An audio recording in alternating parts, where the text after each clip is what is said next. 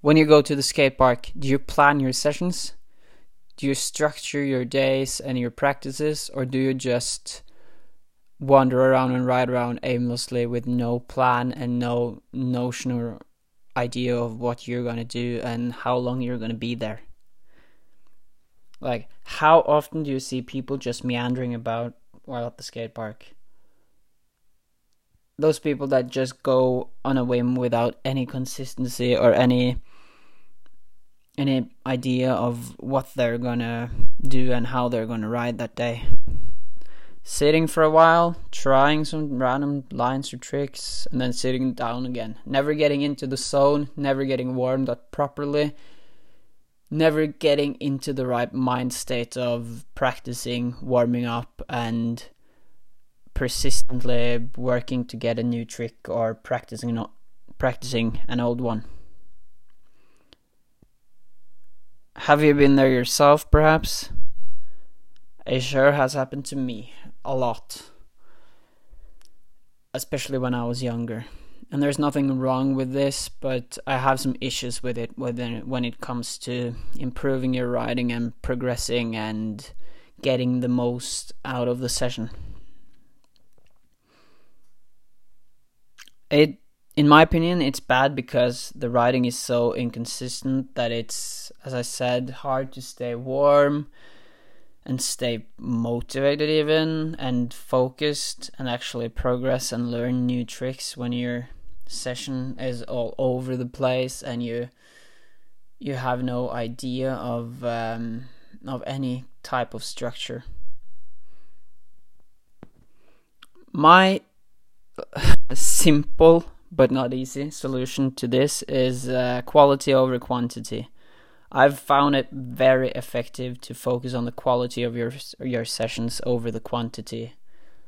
Meaning focusing on the quality and the intensity and the focus over how long you're actually at the skate park. Because if you want progress and you want a proper practice, then you have to plan it. It's that simple.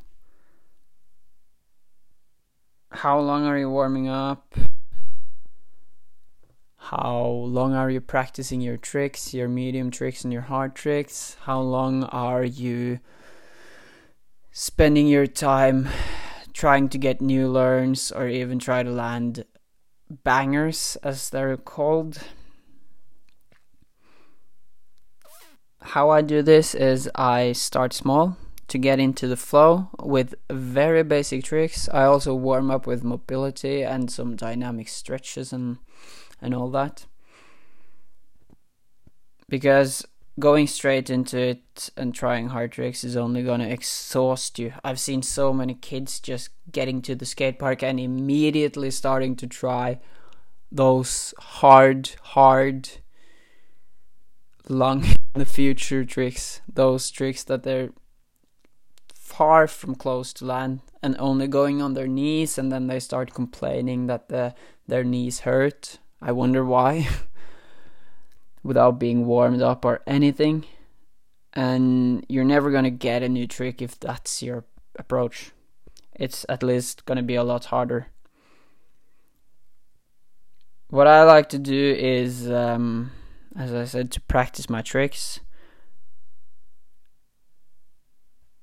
and practice what first I kind of step it up if it makes sense. So I start small, I start with the most safe tricks, then I go into the tricks that are pretty safe but a bit harder.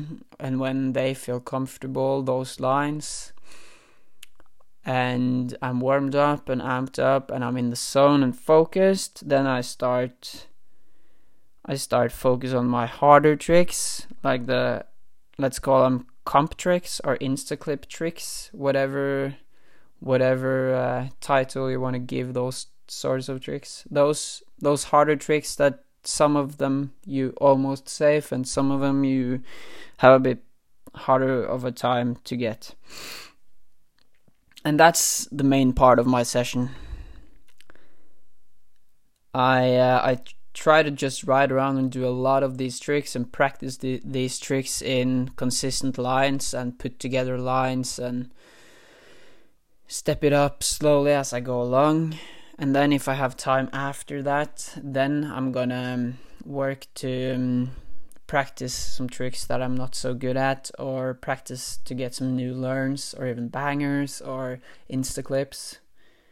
Because if you first practice all the all the medium tricks and the comp tricks, like your pocket of tricks and um, and uh, favorites, then it's to be a lot easier to get some new learns in the end of the session because you're to be warmed up and you're to be focused, especially if you don't take a lot of breaks. I try to stay consistent and don't sit down for the whole duration of the session, only stop for water breaks and maybe some fruit here and there and just a slight conversation with homies.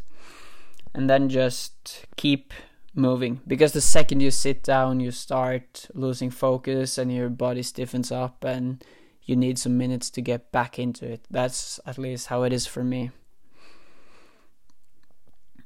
and um, the thing is that i've found is when it comes to quality over quantity, one effective approach is to use uh, a timer on your phone.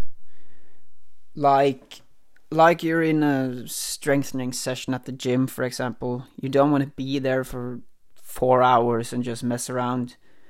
It's best when it's very intense and concise and focused and you have got all of the sets planned and the warm up and the main part and even uh, the recovery afterwards. So I like to ride for between 60 minutes to 90 minutes to two and a half hours approximately, where I try to split my sessions as I previously explained. If I go to the skate park in the daytime when nobody's there and I just put my timer on for 90 minutes, then I have to get into it immediately because I know that it's going to end.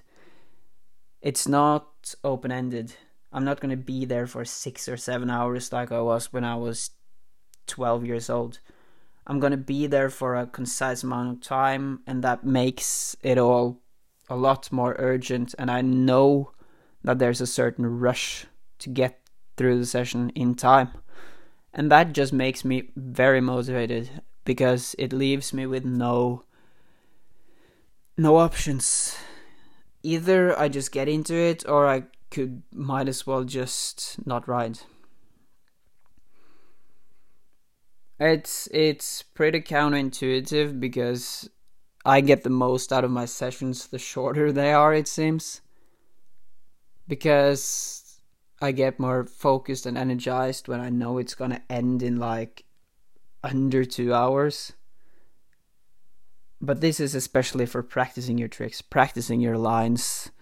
And it also opens up the possibility for writing several times a day if you have uh, the time for it. I like to do that, like one in in the morning before noon, and then one in the afternoon or the middle of the day, and then I can have two practice sessions in one day. But if you're gonna ride with friends and just have fun, then this approach might not work unless your friends also like to practice very intensely and focused. There's a balance here, of of course, but um, this is a pretty effective way to structure your sessions if you want to get some new tricks and get some good progression and practice in.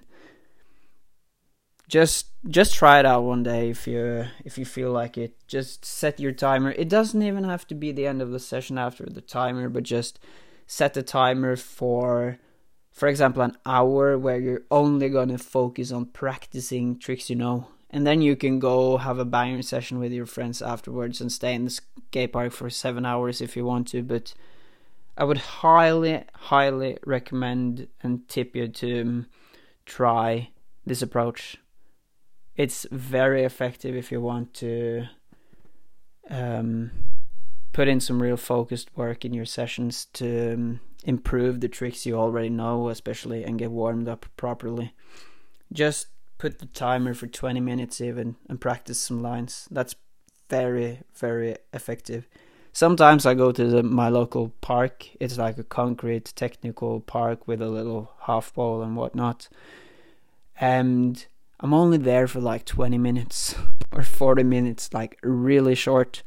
But I'm already warmed up usually when I get there because I I may have just done a strengthening session and then I just put on my timer and get straight into it the second I roll into the skate park.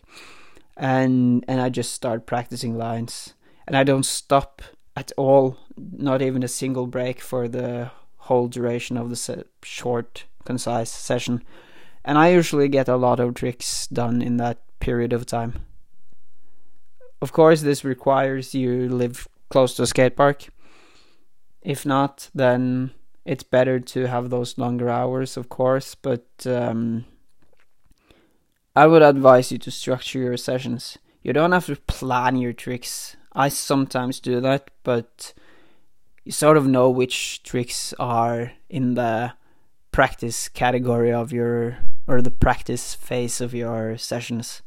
You know those tricks that you would want to do in a competition that's a bit outside of your comfort zone, but you usually get them within three to even 10 tries.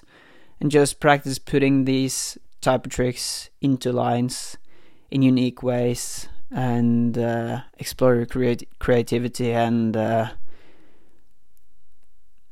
and um, ability to create lines, I guess.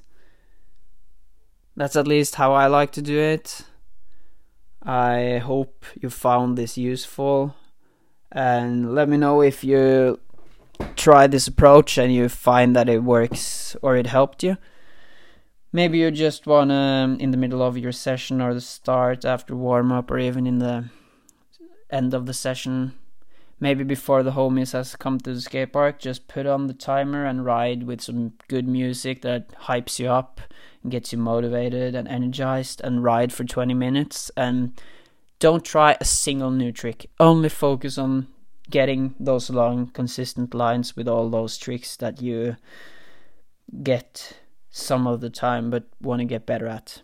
And then when you've done that see if the riding with friends and banger part of the session gets better if you perhaps get closer or even land some new and uh, harder tricks easier because you first started out with this practice. So, yeah, that's me for today. If you enjoyed this episode, be sure to share it with a friend. And I'll be back in the next episode.